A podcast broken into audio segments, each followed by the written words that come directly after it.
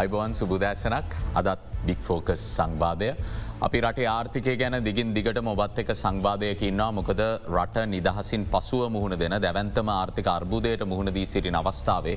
පුරවැසියන් විදිහට අපිට වැරදුනේ කොතනද කියන කාරණය පිළිබඳව අවබෝධයක් ලබාගන්න හොඳම කාලය උදා වෙලා තියෙන් නිසා. ඒවගේ මේ වැරදුණු තැන් අවබෝධ කරගෙන ඒවා නිවැරදි කර ගැනීම අපි මේ මොහොතේ කළ යුතුව ප්‍රධානතම කර්තාවයක් වන නිසා. එනිසා මේ වන විට ප්‍රතිසංස් කරන ගණනාවක් සිදුවමින් තිබෙනවා ඒ ප්‍රතිසංස් කරන සම්බන්ධයෙන් විවිධ මතවාද මේ වන විට සමාජය තුළ පැන නැගෙමින් තිබෙනවා. ඒ සම්බන්ධයෙන් අපි බිද්ධතුන් සමඟ සාකච්ඡා කරමින් යම් කිසි ආකාරයක සංවාධයක් ගොඩනගන්නේ මේ මතවාදවලට ප්‍රතිචාර දැක්වීමට අපි අවබෝධයෙන් කටයුතු කළ යුතුව තිබෙන නිසා. විශේෂෙන්ම ඔබ දන්න අපේ රටේ ආර්ථිකයේ වසර ගණනාවක් තිස්සේ බොහෝ දුර්වල තැන් තිබුණා. රට විසින්ම ගනු ලැබූ ප්‍රතිපත්ති තීන්දු තීරණ නිසා බොහොම අවදානම් සහගත ආර්ථිකයක් තමයි ශ්‍රී ලංකාවට හැමදාම තිබුණේ. කොරුණා වසංගත තත්ත්වයක්ත් එක්ක මේ තත්ත්වය ඉතාම උග්‍ර අර්බුදයකට යන බව පෙනි පෙනී තිබියදීත් ගත යුතුව තිබුණු ක්‍රියාමාර්ග ගැනීම ප්‍රමාද කිරීම හරහා මේ අර්බුදය අද තිබෙන මේ පුපුරාගිය තත්ත්වයට පත් වෙලා තිබෙනවා. කොමුණත් දැන් ගොඩ එන්න ක්‍රම ගැන සාකච්ඡා කළ යුතුයි අර්බුදයට පැමිණියාකාරය ගැන අපි පසුවිපරමක් කළ යුත්තේ එහිදී වැරදුණු තැන් නිවරදි කර ගන්නට. අද අපි මහචාරය රොහන් සමර්ජීව මහත්මඇත් එක සාකච්ඡා කරන්නේ අයිවන් මහචාරතුමා. දැන් අපි නැවතත් ජාත්‍යන්තර මුල්ල අරමුදල ඉදිරියට ගිහිල්ලා මේ පවතින අර්බුදයෙන් ගොඩ එන්නට සහය පතනවා. මේ ගැන සාකච්ඡා කරද බොහෝ දෙනෙක් කියන්නේ මේක විවාධාත්මකයි. ජාත්‍යන්තර මූල්‍ය අරමුදල රටවල් ගොඩ එන්න සහය දෙනවාද නැත්තම් රටවල් වල ආර්ථිකය බොහම උපක්‍රමශීලීව පිටු පස්සට ගෙනයනවාද කියන කාරණය ගැන විවාධාත්මක තත්ත්වයක් සමාජයේ තියෙනවා. එතනදි කරන ප්‍රශ්නය තමයි දාහත් සැරයක් ගිහිල්ලත් හදන්න බැරිවෙච්ච එක මේ දාහත්වනි සැරය ගිල්ල කොහොමද හදන්නේ. ඇයි අපිට දාහත් සැරයක් අයම යන්න උනේ මහචාරතුමනි. දැන් ඕකට හොඳ උත්තරයක් දීල තියෙනවා අපේ මහාචාරය ප්‍රේමචන්ද්‍ර අතුකෝරල කියලා බොහොම ලංකාවේ කීර්තිමත් ආර්ථික දිජක්නේ කොස්ට්‍රේලියාවේ පදිංශලඉන්න. එයා ගැඹුරු ලෙස මේ හදල හදාරලා තියන කොටින්ම යාගාව තොරතුර තියනවා මේ නම්සේ පනස් කනන්වල අයිම එක හදපු අපි ඒ දවසල නං සාමාජික. ඒ ගොල්ල ආහම ඩියසරණයක මහත්තය මීටික මීටිංක්වත් දීලනෑ යට. ඒ තරමට දවසල අපිට එක අවශ්‍ය නෑ ඩියස්ක කාල. අයිF එක අපි හදල තියෙන්නේ එකන අපිට අපි අපි සම්බන්ධ වෙලා තියෙන්නේ මේක නිකම් මේ අර ICU දොස්තර කෙනෙක් වගේ කියරතමයි කල්පනා කරන්නද ඒ වෛද්‍ය සංකල්පයක් ඇතුළ තමයි මේක බලන්න තියෙන. ඒකන්නේ ලෙඩ්ඩු යම් හේතුවනුට බොහොම අසාධ්‍ය තත්වර ගහම ඒකන ආර්ථිකයන් අපි ලෙඩ්ඩු කියලකි වහම ඒකට විශේෂඥ සහයක් දෙට ICU කියල තියනවන්නේ දැඩි සත්කාරයත ඒකක ඔන්න ඕගේ එකක් තමයි මේ අයිෆෙක් කිය. දැන් ප්‍රේමචන්ද්‍ර අතුකෝරල මහත්මය කියනවා තායිලන්ත ගැන බොහොම කැම්පරුල් ලෙසයා කතා කර ඉළඟට ඉන්දියාව ගැනත් කතා කරම අපිට උදවකරපු ඉන්දියාව. ඉන්දියාවත් නමසය අනුව එක අයුමකට කිය. ඉන්දියාවතරන්නේ මහ බ්‍රතාන්ය අයුමට කියලද. එයා කියන්නේ මේ ආසියාවේ සාමාන්‍ය සම්ප්‍රදාය අපි ආසියාවේ රටවල් අයිම්කට ගියාම ඒ බෙහෙත සම්පූර්ණ කරනවා බෙහෙත් වට්ටුරු සම්පූර්ණ කරනවා. අප්‍රිකාවේ රටවල් තමයි ආපහු අපහු යන්නේ තොර යා කියන අපි භූගෝල්මය වශයෙන් ආසියාව හිටියට ඇත්වශයෙන්ම අපේ හැසිරීම අප්‍රිකානු රටක වගේ කියලා. ඒ මොකද අපි අර බෙහෙත් වට්ටුවරුත් ගන්නේ නෑ සම්පූර්ණ බාගට ගන්න. බාගට අරගෙන නවත්වනවා. දැන් අපි දන්නවන ඇන්ටිබයිටික් ගන්නවට සාමන්‍යයෙන් වෛද්‍යවට අපට කියනවන්නේ මුළු මුළු වේලම ගණ්ඩ කියලා හතම දව සතකට දුන්නොත් දව සතනම ගණ්ඩ කියලා කියනවන. අපි කරන්නේ දවස් තුනකට හතරට ගේම් පස ඇගේ පතය අමාරු අමාරු උන්න බැස්ස අපි නැත්තුව. එත්තකොට තවත් අපේ ශරිෂයට තවත් හානි වෙන එක විතරයි වෙන්න. ඉතින් ඔන්න ඕක තමයි අපට තියෙන ප්‍රශ්නය කියන්නේ එයා කියන්නේ අපි අපි දැඩි විශ්වාසයක් ඇතුව දැඩි කැපවීම කියන්න ඕන මේ තමයි අප අයිම ෆෙන අන්තිම පාර. මචරිතුමනේ ගැන දාසය සැරයක් බෙහෙත් ගත්තට දාසේ සැරේම තුන්ඩුව බීල තියෙන බාගට අපි. දාසයෙන් දා හතරක් විතර බීල තියන්නේ බාගට එකන්නේ අන්තිම ට්‍රංචක ගන්නෙත් නෑ අපි ඒක කැන්සල් කරන ඉලක්ෂණ එකක් හරි මොක් කර ඇති නවත්ත මාචරිතුමන උත්තන තියෙන ප්‍රධානම් ප්‍රශ්න රටේ තියෙන දේශපාලනය. විවිධ පක්ෂ විවිධ පක්ෂවල නියෝජිතීන් වාමාංශික දේශපාලනය වේවා දක්ෂිනාංශික දේශපාලනය මේක ඇතුළේ විධ මතවාදත් එක්ක තමයි ඔය බෙහෙත්තුන්ඩුව මග හැරෙන්න්න බොහෝවිට. මොකද මේ වෙද්දිත් මේ බෙහෙත සැක කරනවා. මේ වෛද්‍යවරයාව ප්‍රශ්න කරනවා. ඇයි මේම තත්වයක් උදා වෙලා තිය IMF කියන වෛද්‍යවරය ඔබතුමා සඳහන් කරන දෙන බෙහෙත් ඇත්තරම සැකද. දැ මේකයි IMF එකට අනවශ්‍ය බලයක් සහ වගකීමක් අපේ කට්ටිය පවර. ඒක යම් ප්‍රමාණයට හීනමානය නිසා එන දෙයක්. ඒක යන්නේ දැන් මං මේ බැලුවේ දැ මේ වගේ දේවල්ලට අපි කතා කරන්න ඕන සමනී ජාත්‍යන්තර පුරවාදර්ශත් එක්ක. දැන් අපිට සම්මාන තත්ත්වය රටවල් දෙකක් තියෙනවා. ලෙබනය ගැන ති ම හැමදාම කතා කරන ලැබන ඒ ගැනත් අපිටි කතා කරම යනකොට ဇ ැම්බියාව කියලා තවරටක්තිය. දැන් ဇ ැම්බියාවේ මේ ගිව්සුම කැන අපේ ගිවසුමනේ අපේ තියෙන ස්ටාෆ් ලෙබල් එකන්නේ කාර්යමණ්ඩල මට්ටමේ මේක බෝඩ් එකෙන් අනුවත කර මේ මාසේ මුල. සැම්බියා. ඕ එතකොට ජැම්බියාවේ ඒගොල්ලු කියන්නේ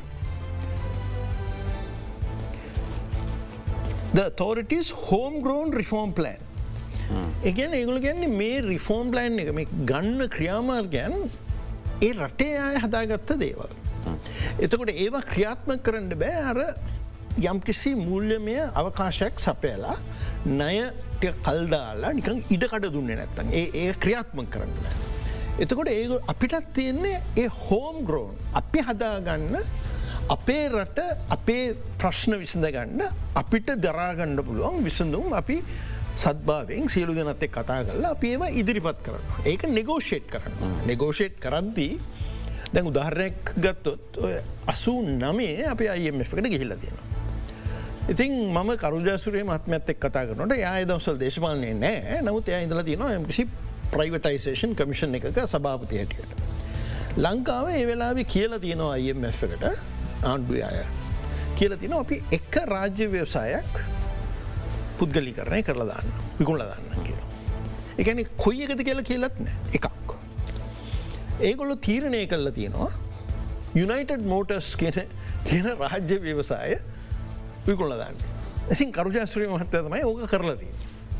දැන් අද කල්පන කල බෙලවා බල්ලා මොකක්ද මේක උපයාම පාය මාර්ගක වැදගත්තක මොකක්ද ආණ්ඩුව මොකටද මේ මිස්සුෂිකාර මේ ඒජන් හැටියට ලංකාව ඉන්න ඒ මටලන් කුතුහලයක් මං කොටිම හිටියුවත් නෑ මං ඒ දවසල් ලංකා හිටිය පුද්ගලෙක් නෙමේ. එයා කියනවා ඒ වැඩේ කරහම එයා ඒ වෘතිය සතෙක් කතා කරලා එයාගේ පඩි සේලු දෙනාගේම රැකි ආරක්ෂා කරලා පඩි වැඩි කරලා ඒ එකගත් අයිකිවල ගොල යනවන මේ මෙච්චර මුදලත් දෙන්න ඒගොල කවුරුත් ගිලනෑ සේවක ඉඳලතිය. ඒ කටයුත්ත කරලා ඉවර වුණා ඊළඟ දවසේ බැංකුවට සල්ලියාව. අපේ අපේ ගිනුවට සල්ලියාව.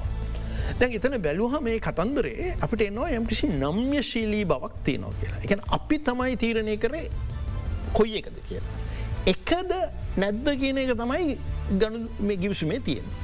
එතනින් අදහස් කරේ උම්ල කතා කරනවා කතා කරනවා නහරි කරලා පෙන්න්නට.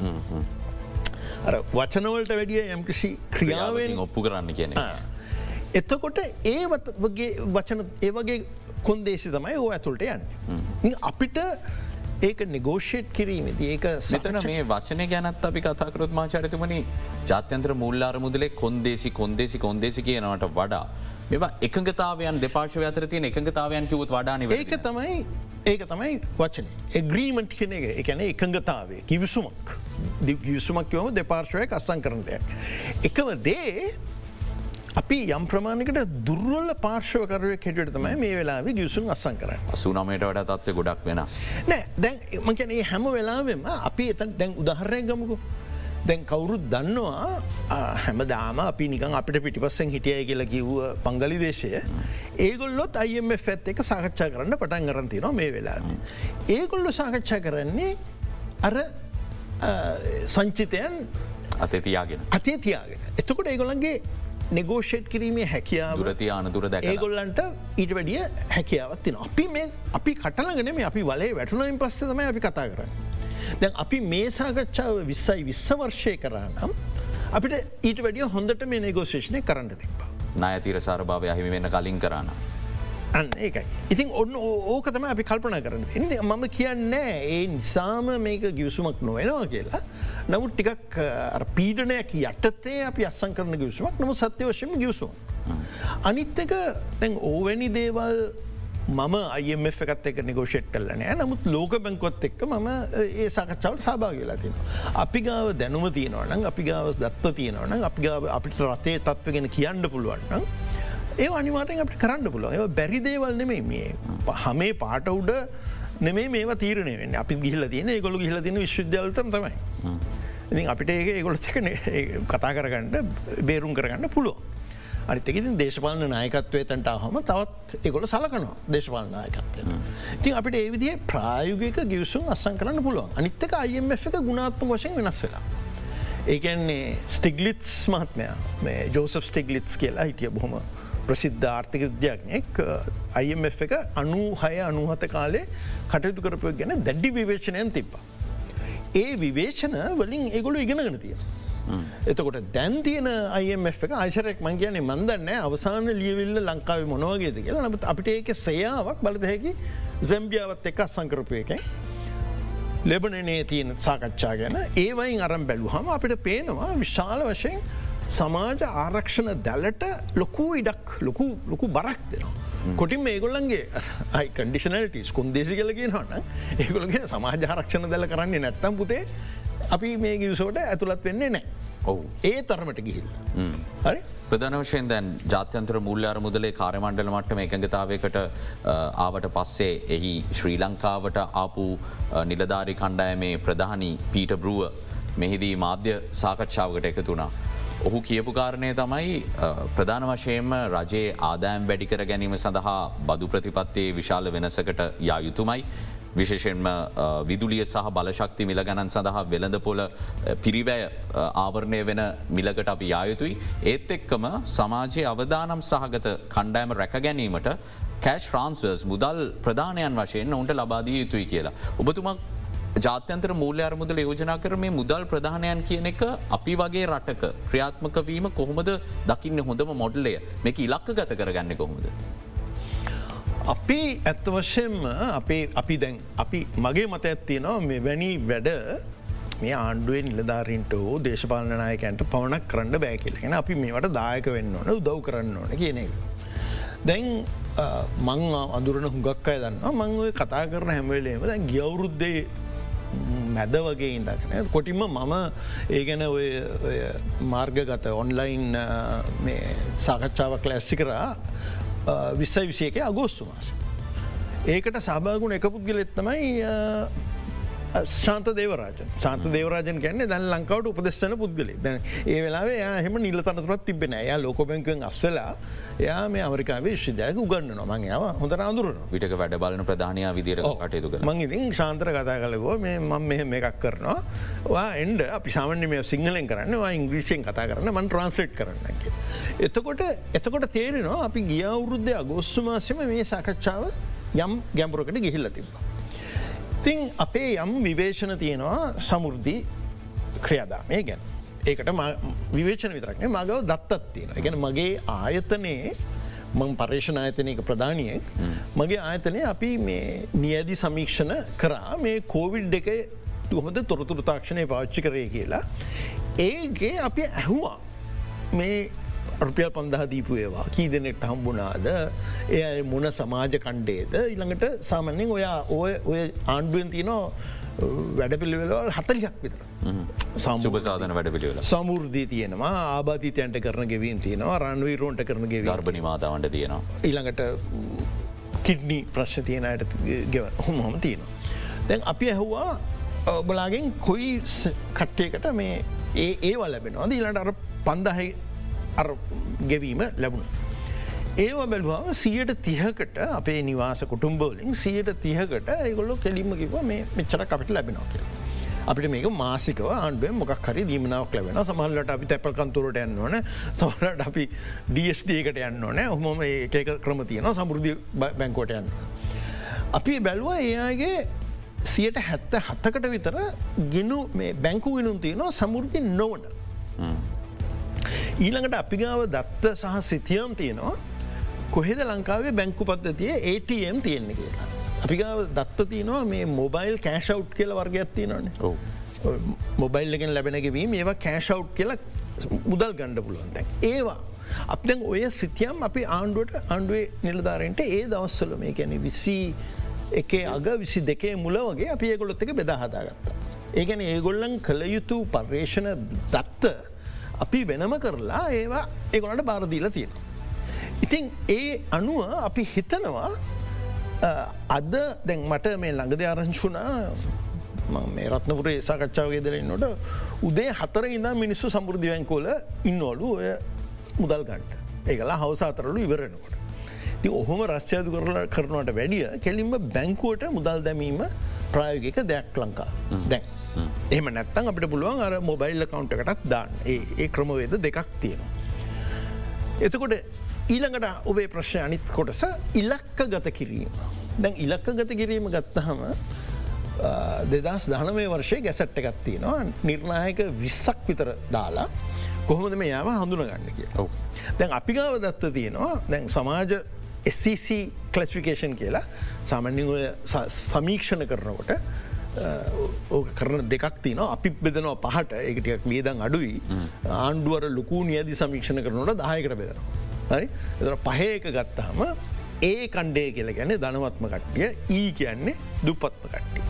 එතකොට අපිට පේනවා දුප්පත්ම කුලකෙන් ඔක්කෝටම ලැබෙන්නේ නෑ සම මේ ගෙවීම අපි සමුෘති කල කියන්න මේ මුළුස මුළු රජයෙන් ලෙ දෙන සුපසාධන ගෙවීම. නමුත් ඒ කණ්ඩේ එකැන ඉහළම කණ්ඩේ ටික දෙනෙට ලැබෙනවා දැන් ඒක අසා බැලිය යුතු දෙයක් ඒකැන අපියකොට කියන්නේ ටාගටින් ඒ ලක්කගත කිරීම සමහරුන්ට වැරදිලා ගිල්ල තින සමහරුන්ට ලැබිලන. ඒ දෙක්කම බලන්න ඕන.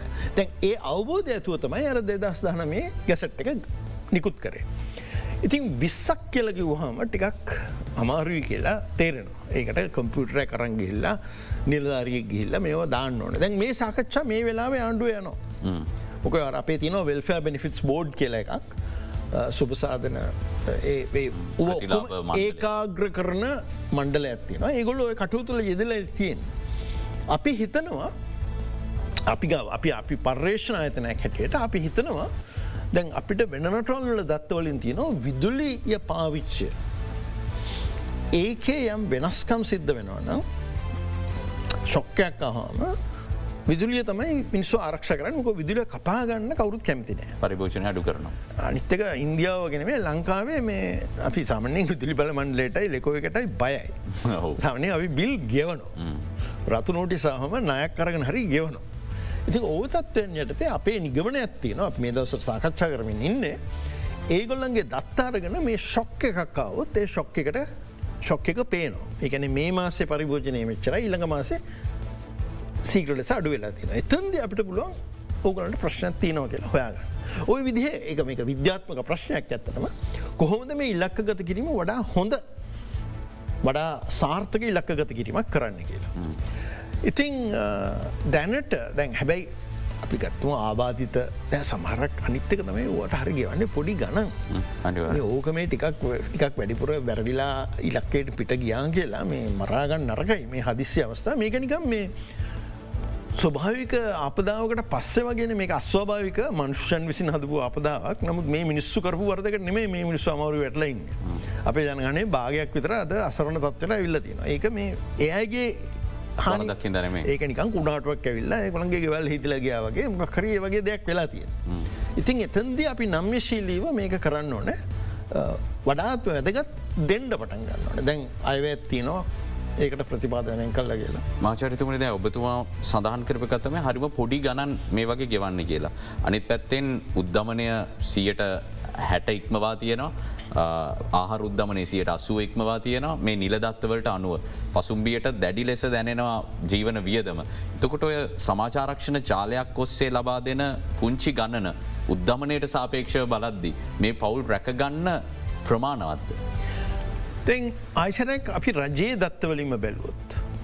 මගේ දත්තත් තින අපි රජයේ දත්ත තිනින්ද අපි ඒක බලමු ඔය අපේ තියෙනවා විසිබන්දාහක නියදයක් එක්ක කුටුම්බ ආදායම්සා වියදම් සමීක්ෂණය කියලා එක. ඕක අවුරුත් තුනෙන් තුනට කරන්නේ ගැන මේ අවුද්ධ කරනවා වෙන්ඩ ඕන මේ වෙලාවේ. දෙදස් දහන මේකේ වර්තාපිගව තියෙන. දෙද තානම ගැන මේ කුණාටු එන්ඩ කලින්. ඒ කාලේ සාමාන්‍යයෙන් පවුලකට රුපියල් විසිදහක් විතර ඕන එදිනෙදා ආහාර වියදංවලට. මොකද මේක ආහාර ගැන මෙච්චර කරෝල්ලවලට විදන් කර මෙච්චර හාල්ලට විදන් කරගල ඒ ලෙවල්ලකට දත්ත තියනවා මේ සමීක්ෂණය මාසිකව සාමාන්‍ය විසිදාහක් ඕනේ විසිදහක් ඕන දෙදස් දහනමේ දහනම. ඉතිං අද අපි බැලුවොත් ඉතින් තිස් හතලිස් දහක් නැතුව ඔය වැඩේ කරන්න බැරි බව පේන එකයි අර ආහාර උද්ධමනය සියට අනුවයි කියලා කියන්නේ ගියවුරුද්ධට සාපේක්ෂෝ දැන් දෙගුණ වගේ වෙලා තිය. ඉතිං ඔය ඔක්කොමට දුන්නත් අපේ විසිදාහ අඩුගානේ නිකං පොඩි ඉන්ඩිකේටව් ඉලක්කයක් හැටියට තියාගන්න ඒක නිකන් අපි බලන්න ඕන. ඒ හරියට තමයි අපි අන්න ඕන කිය. දැන් ආණ්ඩුව ආණ්ඩුවටත් තියනනේ මේ සම්පත්ත ප්‍රශ්නය අනිවාර්යම ලොකුවට ඉතින් දැන් අපේ ගණන් හදල තිබ්බේ ඉස්සර සමුෘධයට දුන්නේ සාමාන්‍යින් අයිසට සමුෘද්ධයකත්තම් සාමාන්‍යයෙන්. ඒ ප්‍රතිලාභය තිබ්බේ රුපියල් දෙදස් පන්සියයි. සමහරුන්ගේ අඩුවේ සමහරුන්ගේ හයදස් පන්සියක් වගේ ගාන. දැන් ඕකට පන්දාහකින් වැඩි කරලා තියෙන. අයවැත් තියෙන. ඉතින් දැන් හද්දාස් ගණක් වගේ තියෙනවා. දැන් ඒක සාමාන්‍යයෙන් ඉතින් කලින් තිබ්බ තත්වරඩිය හොඳයි. අර අනිත් ගෙවීමුත් ටික යම් යම් ප්‍රමාණ වැඩි කල තියෙන ගර්භණි මාතාවට දෙනවත් අයවැය වැඩි කල තියෙන හොම තියෙනවා. අපි හර අර රූපය බලන්න ඕන මතකතිය ගන්න ඕන අපි ප්‍රායග කරන්න පුළන් දෙවල් කරන්න ඕන එකත් තමයි මේක ලැබන සංඛ්‍යාව වැඩි වෙනවා. ඒවගේ මේ අයට දෙන්න මුදල වැඩු නම ඔය දෙකේ ඔය දෙක වැඩි කරලා තමයි උත්තරේ තියන්නේ තමයි ගෙවන්ඩ තියෙන ප්‍රමාණය. අපි සාමාන්‍යයෙන් සමුෘද්ධිය වෙනුවෙන් අප ලොකුම ඒ වැඩපිලට බිලියන හැත්තෑ ගානක් වේදන් කර යවුරුදි පචට්ට එක. ඒකෙන් සියට විසිපහක් විතර ගිය නිලධරෙන් නඩත්තුවට ඒ අපි ගැන වෙනම කතා කතා කරන්න. හරි එතොට ඒ අර්මින් අරකට්ටයට ගියා මිලියන පණහක් විතර. දැන් ඕක දෙගුණ තෙගුණ කරන්න නැතුව බෑ. ඒකට ඉතින් අපිට ලෝක බැංකුවෙන් අරහෙම අදාර ලැබෙන නම්ත මතිකතියගන්නන මේ නාය. මේ කවරුත් අපට නිකන් සල්ලි දෙන්න වල් ෆුඩ් ප්‍රෝග්‍රම එකෙන් යම් ප්‍රමාණකට නිකන් දෙනවා සාපේක්ෂව සුළු ප්‍රමාණයක් නමුත් ඕවා අපි එතකොට එතකොට තමයි මේ ඔන්ලයින් ක්‍රම මේ තාක්ෂණය පාච්චි කරලා බැංකුවල්ට දෙන එක හොඳ. එතකොට ඒක නම්ය ශිලියව අපිට අඩුවැඩි කරන්න පුළුවන්. අපි හිතන්නේ බොහෝදුරට ඔය ඉන්දන ප්‍රශ්නයනවා. ඉන්දන ප්‍රශ්නය විසඳන්න ඕනේ අපි කොමටත් විසඳන්න ඕන නමුත් ඒක IMF එක ඕනෑම රටක් කතා කරන ඒගොල ගෙන ඕගොල්ලෝ පෙට්‍රෝලියම් ඒ දේවල් ආනයනය කරනවා නම් ඒක මුළු රටම බැංකු පද්ධතිය සහ මුළු රටම අස්ථායි කරන්න ඉඩ දෙන්න එපා. එහින්ද ඒක විදිමත්ව ඒ මිල නිරූපණය වන විදිහට මේ මිල නියම කරන්න. ඒක තමයි වේගන යන්නේ ඒක හොඳටම වෙනවන්න මේ නොත් ඒක තමයි වේගනය ති අපි ගෙනම් ඕක අඩු කරනු අඩු කරනු අඩු කරන්න බෑ. අඩුකරොත් අපේ බැංකු පද්ධති කඩාවට ඕකයි ප්‍රශ්නය. අපි ඕක පැහදිලි කල දෙන්නවනේ තත්වයක් මහශරතවන මොකද මේ තෙල්මිල හාරසය පනාට ගියට පස්සේ දැනෙනවා. හැබැයි හාරසය පනහට ඒක නංවන්න වනේ අපි විසින්ම කලක් තිස්සේ කරගෙනාපු වැරදි ප්‍රතිපත්ති නිසා.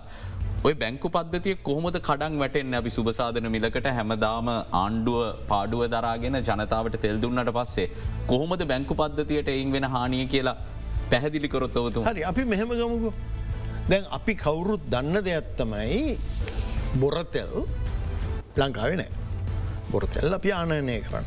ඊළඟට දැන් අපේ වැඩිහරයක් කරන්න පිරිපහදු කරපු තෙල් තමයි අප ගේන්නේ ඔය ඩීසල් නැවක් කරහිමේ කියලකැන ඒ ඔක්කෝ පිරිසුදු කරලා එතනින් ඒ නැවගන්න. ඒවත් ලංකාවෙන හරි. එතකොට අපි අපි දන්නවා ඒවා පිටරට බඩ්. දැන් අපි ඒවගේම දන්නවා ඩොලර් එක තුන්සේ හැටයි තුන් ඒ හරිය තියෙන. අපිට මපේ මතක කාලේ මේ පහුගේ කාලේ මේ එකසි අස්සුවට තිබුණ ඩොලර එතොට එකසි අස්සුව තුන්සේ හැට කියල කැනෙ දෙගුණය හරි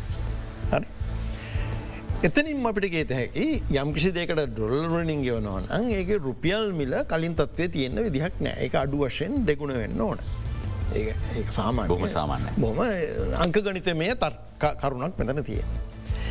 එහෙම බැලුවත් අපි සාපේක්ෂව බැලුහම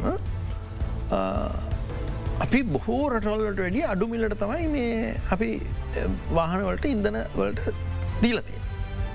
ඒක දැන් අපේ ගත්තොත් විදුලි බලය ගැන්න නිශ්චිතවම දන්නවා. මොකද ඉන්දන මිල උච්චාවචනය වුණනි.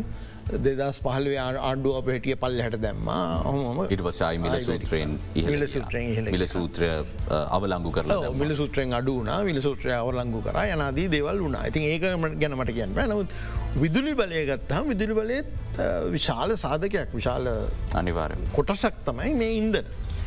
එතකොට විදුලි බලය අපි දෙදස් දහත් තුනේ වැඩි කරා. දෙදස් දා හත්තරේ සීට විසිභාගින් අඩු කරා ඉලෙක්ෂණයට කලින්. ඊට පස්සේ ඒ හෙම්මම තිබ්බා. ඒ හෙම්මම තිබ්බා. ඉතින් අපි කල්පනා කල බැලුහම අපි ගන්න වෙන කිසිම බාණ්ඩ ඇත්ති නවාද එහෙම දෙදස් දහතුනේ විතර ඉඳං අවුරුදු අට්ටකට නමයකට මිල වෙනස් වෙලා නැති. ඒවගේ මේකට පාච්චි කතා අමුද්‍රව්‍ය පිටරටින්ගේ නමුද්‍රව්‍ය වල මිලත් වෙනස් වෙද්දි මේක කරේ. එතකොට කොහෙන්දේ සල්ලි? ඒ වෙනස අපට පේරන මෙතන වෙනසක් තියෙන. දැන් අපිට ගෙතැකි ඒ වෙනසට ඒක ගෙවන්න රජය. හර. දැන් රජයෙන් ගෙවන එක මේ වෙලාවේ කොච්චර ප්‍රායගිකත කියලා අපි අහනවා. රජය අය කරන බදු. මේ විස්සයි විසි එක වර්තනට එම මහචරිතමනි මට ඉඩ දෙන්න කෙටි විරාමයකට යන්න. වැදගත් දැනකට එන්නේ සංවාදය ඉක්මනින්ම යළිත් හමුවෙනවා.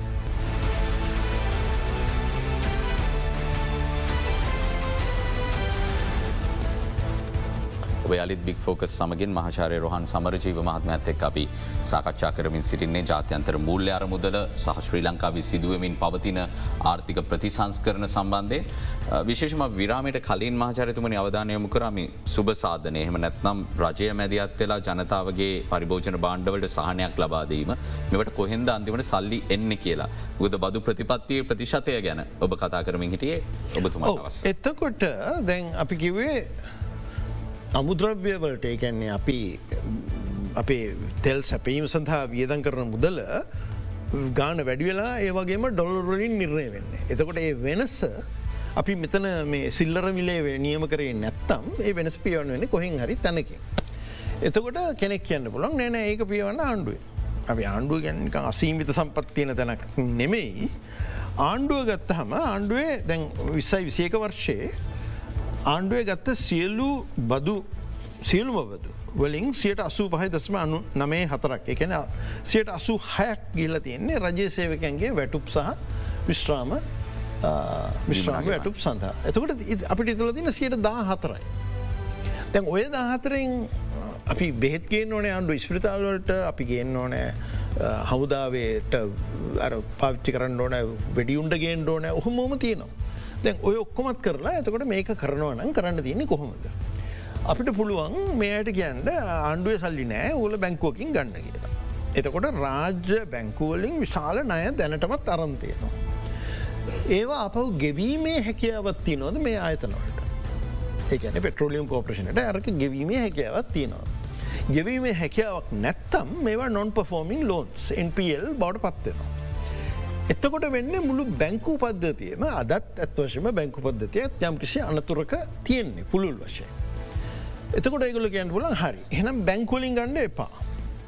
ඇයි කෙලින්ම රජයෙන්ම ගන්න දැ මංකව රජය සල්ලිනය කියලා.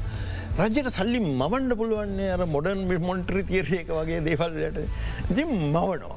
ඒගැන මහ බැංකුව සල්ලි මේ සල්ලි තියනවා කියලා දෙනවා. ඕ වැඩේ කරහම තමයි ඔය උද්ධමනය මේ වෙච්ච වැඩේ වෙච්ච වැඩේ වෙන්න. ඉතින් ඕක නිසා තමයි අරගොල්ලො කියන්න ඔය වැඩේ කරන්න එපා. ඒක ඒක මූලික කොන්දේශ දැන් ලෙබනන් රට ගත්තහම ඒගොල්ලොත් පිටරටින් තමයි තෙල් ගේන්. ඒගොල්ලන්ගේ විදුලි බල උත්පාදනය කරන්න ඒගොලන්ට අපිට අපේ වාසනාවට අපිට තියනවන මේ ජල විදුලි බලය රෝමය තියනවන් ඒගොලන්ට ඒවත් හරි අඩුයි.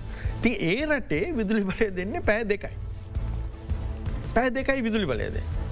අපේ පෑ දෙක කපනවා ඒගොල්ලන්ගේ විදුලි බලය තියෙන්න්න පෑ දෙකයි. ඉතිං ඔවගේ ප්‍රශ්නවලට අපි යථාර්ථවාදීම මුණ දෙන්න වෙනවා.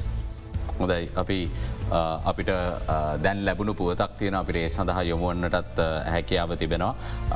ඊට පෙර අපි යළිත් බික්‍ෆෝකස් සංවාධයත් එක් එකතුවමු දැන් ඔත්තන තියෙන ප්‍රශ්නය මේ වෙලා ඔබතුමකිවගේ උද්ධමනය පාලනය කරන්න ප්‍රතිපත්ති පොලි අනුපාතික ඉහළ දාලා තියෙනවා. අනිත් පැත්තෙන් රජයේ මුදල් අච්චු ගැහීමත් අඩු කරන්නට මේ වෙද්දි පියවරන්න තියෙනවා. අනිත් පැත්තෙන් බදුත් ඉහළ නැංවෙනවා මේ අතුරු අයවයෙන් සහ ඉදිරියට එන අයවැයෙන්. තොකොට රටේ ආර්ථික වර්ධන වේගය මට සමාවෙන්න මට විශේෂ ප්‍රෘතිරයම වෙලා යළිත් ඔබතුමත් එක එකට. This is a news alert from Ava Verna 24. මෙන්න දැන් ලැබුණු පුවතක්. අද මධ්‍යම රාත්‍රයේ සිට ක්‍රියාත්මක වන පරිදි ගෘහස්ත ගෑස් සිලින්ඩරයක මිල රුපියල් එකසිය දහත්තුනකින් අඩු කරන බව ලිට්‍රෝ සමාගම පවසනවා. මේ වන විට පැවැත්වෙන ප්‍රෘති සාකච්ඡාවකදී එම සමාගමේ සභහපති මුදිත පිරිස් මහතා මෙම මිල අඩු කිරීම් සම්බන්ධයෙන් දැනුම් දුන්නා. ලිට්‍රෝ ගෑස් ආයතනය විදියට අපි කැමති අද මධ්‍යම රාත්‍රයේ ඉඳලා ලිට්‍රෝ ගෑස් සිලින්ඩර් මිල දොළහයි දශම පහස්තෙන්රේ මිල රුපියල් එකසිය දහතුනකින් අඩු කිරීමක් කරන්න. මේක සාපේක්ෂව ලෝක වෙළඳ පොලේ මිල උස් පහත්වීම අනුව කෙරෙන දෙයක්. සහ ලිට්‍ර ගෑස් ආයතනය මුදල් අමාත්‍යංශය සහ පරිභෝග සේව අධිකාරයත් එක්ක එකතු වෙලා අඳුන්ල දුන්න මිල සූත්‍රයට අදාළවයි මේක කෙරෙන්නේ. රුපියල් එකසි දහතුනකින් අද මධ්‍යම රාත්‍රීඳලා මිල ගණන් විශේෂයෙන්ම වෙනස් වෙනවා. ඒකම ඒ දොළහයි දශම පහසිලින්රේ එක්කම අපි අඩු කරනවා. නැවත වතාවක් මිල සංචෝධනයක් කරනවා පහ කිලෝග්‍රම් පහසිලින්රේ රුපියල් හතලිස් පහකිනුත් කිලෝග්‍රෑම් දෙකයි දශම තුන සිලින්රේ රුපියල් විසි එකකිනුත් අඩු වෙනවා. එනිසයි නව මිල ගණන් අද මධ්‍යමරාත්‍රීන්දල ක්‍රියාත්මකයි. අද මධ්‍යම රාත්‍රයේ සිට ක්‍රියාත්මක වන පරිදි ගෘහස්ස ගෑස් සිලින්ඩර එක මිල රුපියල් එකසිය දහත් තුනකින් අඩු කරන බව ලිට්‍රෝ සමාගම පවස්සනවා. මේ වන විට පැවැත්වෙන ප්‍රෘති සාකච්ඡාවකද එම සමගමේ සභහපති මුදිත පිරිස් මහතයි මේ සම්බන්ධයෙන් දැනුම් දුන්නේ රැඳී සිරින්න අද Derana සමකි. This is a news alert from Ava Verna 24.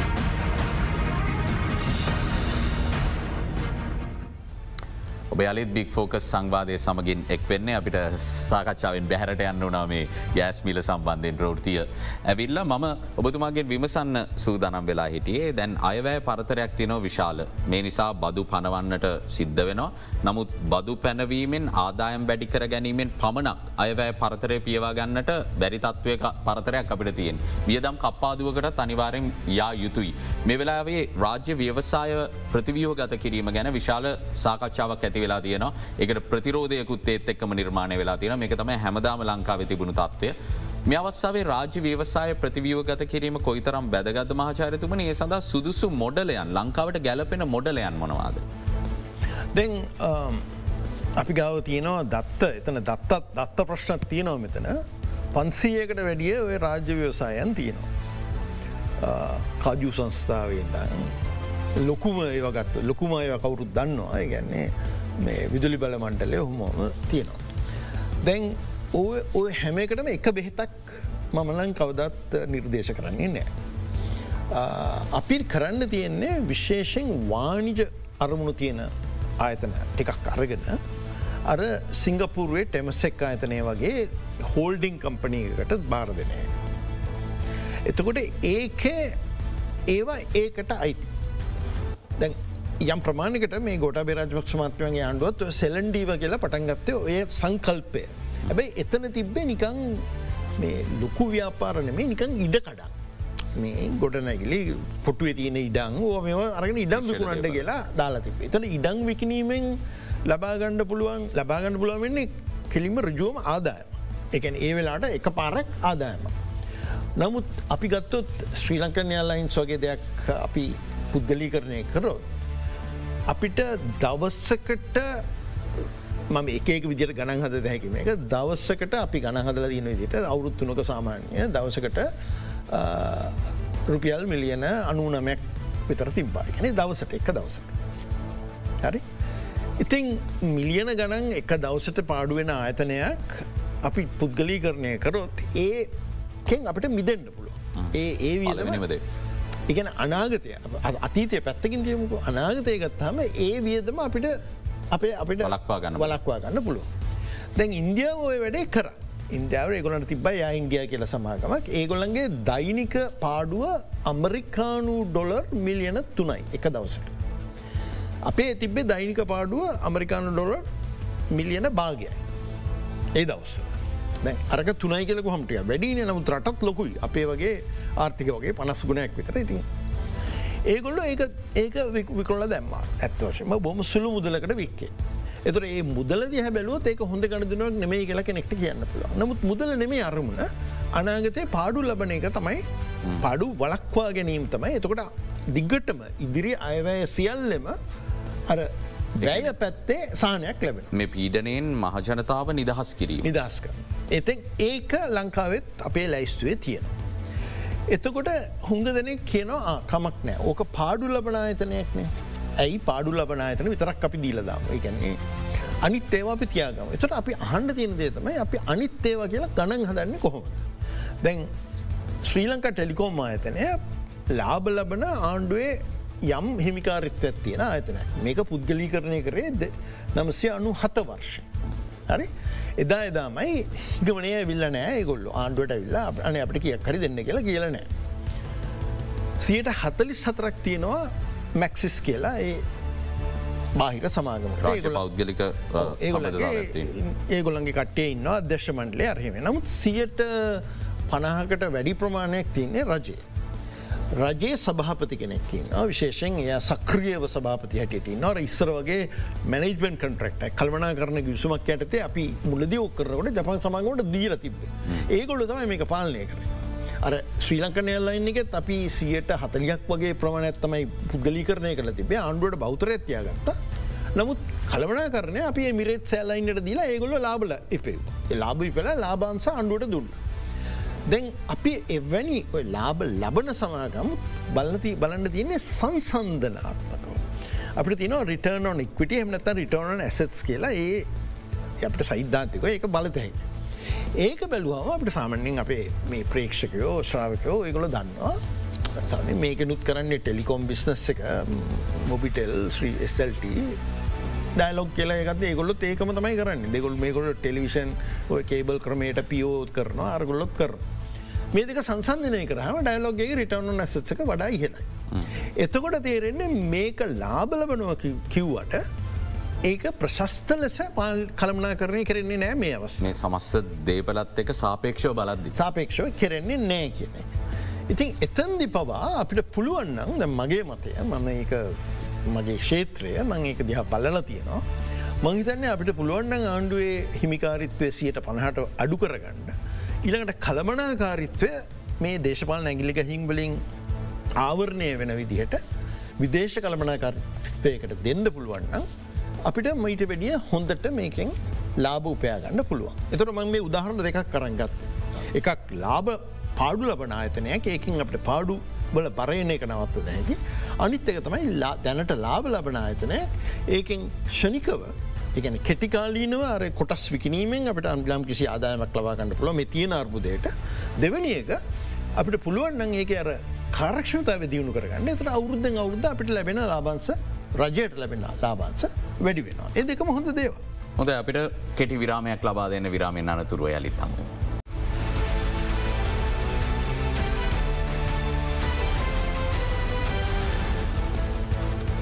යළිත් බික් ෆෝකස් මහචාරතුමනි දැන් අපි ජාත්‍යන්තර මුල්ල අරමුදලේ ණය පහසු ගම ගැන සාකච්ඡා කරදි මේක විස්තීර්ණ ණය පහසු ගමක්.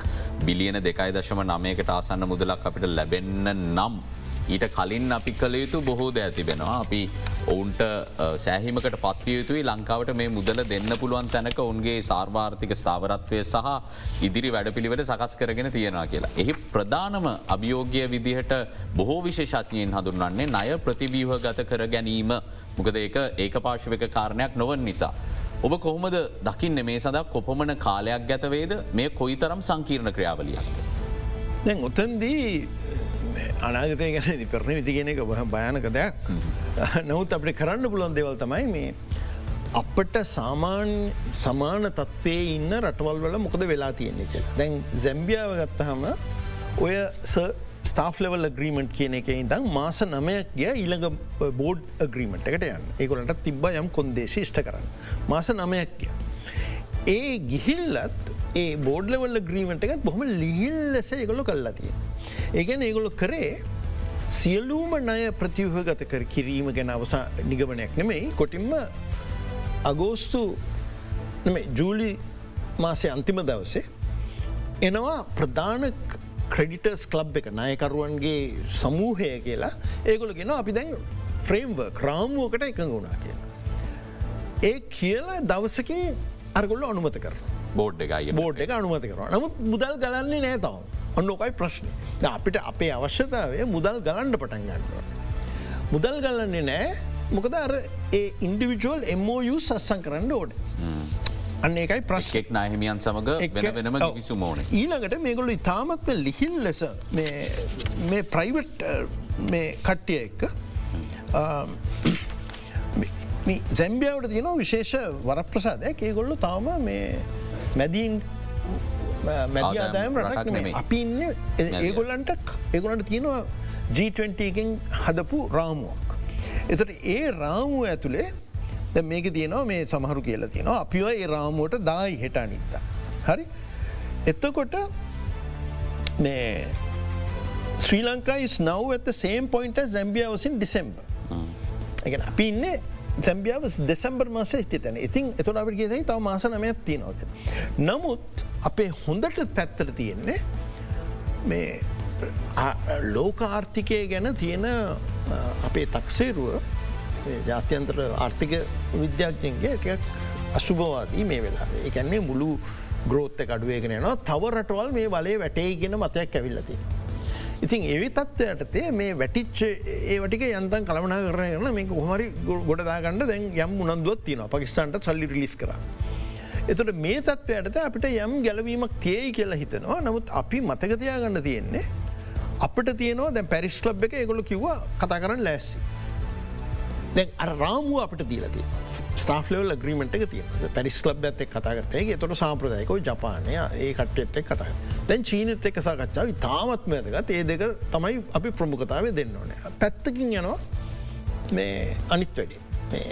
අර ජාත්‍යන්ත්‍ර ස්වයිරී බෙදුම් කර හිමියන්න එක නෙගෝසිේෂණ එක. ඔය තුනම සමගාමියෝ වගේ දුවන්න ඕන. ති ඕක තමයි අපිට තියෙන අභියෝගය. දැන් එතන්දී සමහරු කියනවා දමන් දැක්ක මේ ජනතයක් පෙරමුණේ නියෝජිතය වගේ මට්ටික පුදුම වුණා මේ අපේ ආචාරය හර්ෂද සිල්වත් කියලා තියෙනවා මේ ගිවසුන් ඇය එල්ලියට දාන්න ඇත්තක. මේ දැන්තියන එසල්ලේ. ඒක සාමාන්‍යයෙන් කරන්නේ නැති දෙයක්. මොකද අපි තවම නෙගෝෂේට් කරනවා. අපි තවම මේ ගණු දෙනුව ඉවර නෑ. මේක නික එක පියවරක් පමණයි. එතකට මේ වෙලාවේ අපි අර අපේ ඩෙට් සස්ටබිලිට ඇනලිසිස් කළ එකත්තිනවා. ඒ වගේ දත්ත එලියට මහම සමහල්ලට අපි අපේ අනිත් පැත්ත ඉන්න. ඒ ජාත්‍යන්තර ස්වෛරී වැදුම් කර හිමියන් එහෙම නැත්තං අනිත් රටවල් එක්ක ඒගොලු කියන්න පුලන් ඕගොල්ලු දැන් ඔක්කොම තොරතුරු එල්ලියේ මොනද අපි නෙගෝෂෙට් කරන්නේ. ඉතින් ඒ හිතමං හිතන්න ටිකක් අපිට පරික්ෂමින් කතා කරන්න ඕන දැන් මං බැලුවේ දැන් zැම්බියාව අපි ඉන්න තැනට මාස නමයක් ඉස්රහෙන් ඉන්න. ඒගොල්ලන්ගේ ලියවිලිවත් තාම එලියට ඇවිල්ල නෑ සියට සියක් අපිට වැඩිය සවිස්තරව ඇවිල්ලති.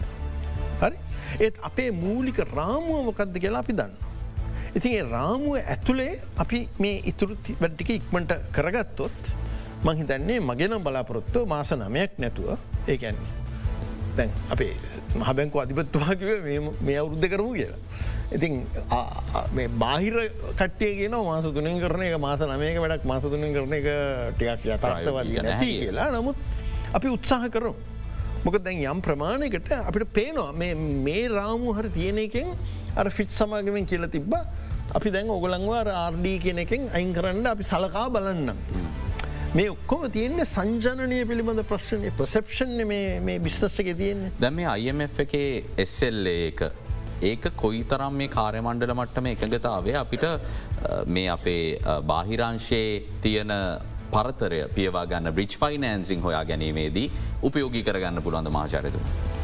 අයිසරකර සංජනය තමයි ප්‍රශ්න. දැ බ්‍රිච් ෆයිනන්සින් කවරුත් වෙන අයමක දෙයි කියලා. අපි හිතහිටිය බ්‍රිච් ෆයිනන්සින් අපට ඉන්දියාවෙන් ගන්න පුලන් ඉන්දියාවෙන් දෙන්න පුළුවන් ප්‍රමාණ දීල දැ ඉන්දියාව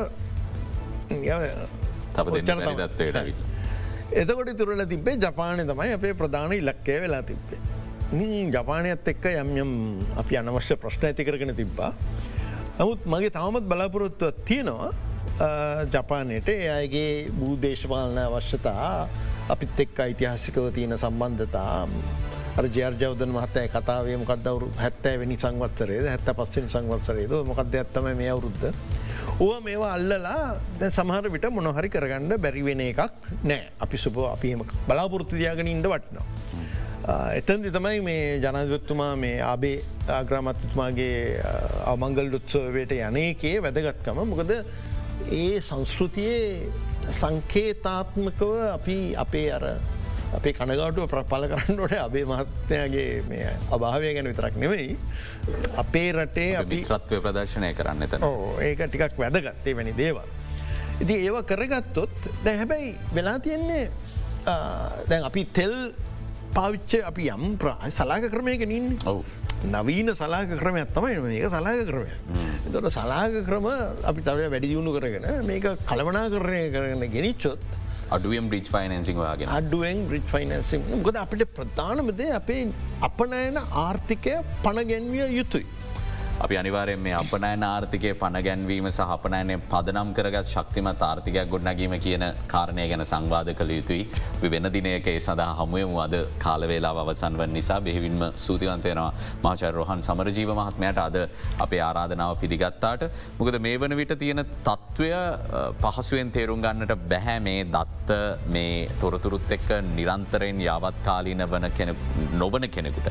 එනිසා මේ කාරය බහුල ජීවිතය ආර්ථික අර්බුදයකටත් මුහුණ දීලයින් අවස්සාාවේ රටේ ආර්ථිකය තුළ සැබවින්ම මොකක්ද මේ වන විට වෙන්නේ අපි යළි නැගී සිටින වැඩ පිළිවලේ අපි මේ වන විට කොතන දින්නේ කියන කාරණය ගැන ඔබට යම් අවබෝධයක් ලබාදීම තමයි අද සංවාදයත් අරමුණ බවට පත්වනේ. ඉදිරියටත් අපි දිගින් දිගටම මේ සම්බන්ධයෙන් විවිධ මතවාදත් එක්ක දත්ත මත පදනම් වුණු තොරතුරු ඔබට ගෙනෙන්න්නට සූදානමින් සිටිනවා. ඔබතුමට යළිත් බෙහිවින්ම ස්තුතියි. අපි අදට සංවාධයෙන් සමුගන්නවා හෙටත් හමුවමු සුපුරුදු වෙලාවට සුපදිනයක්.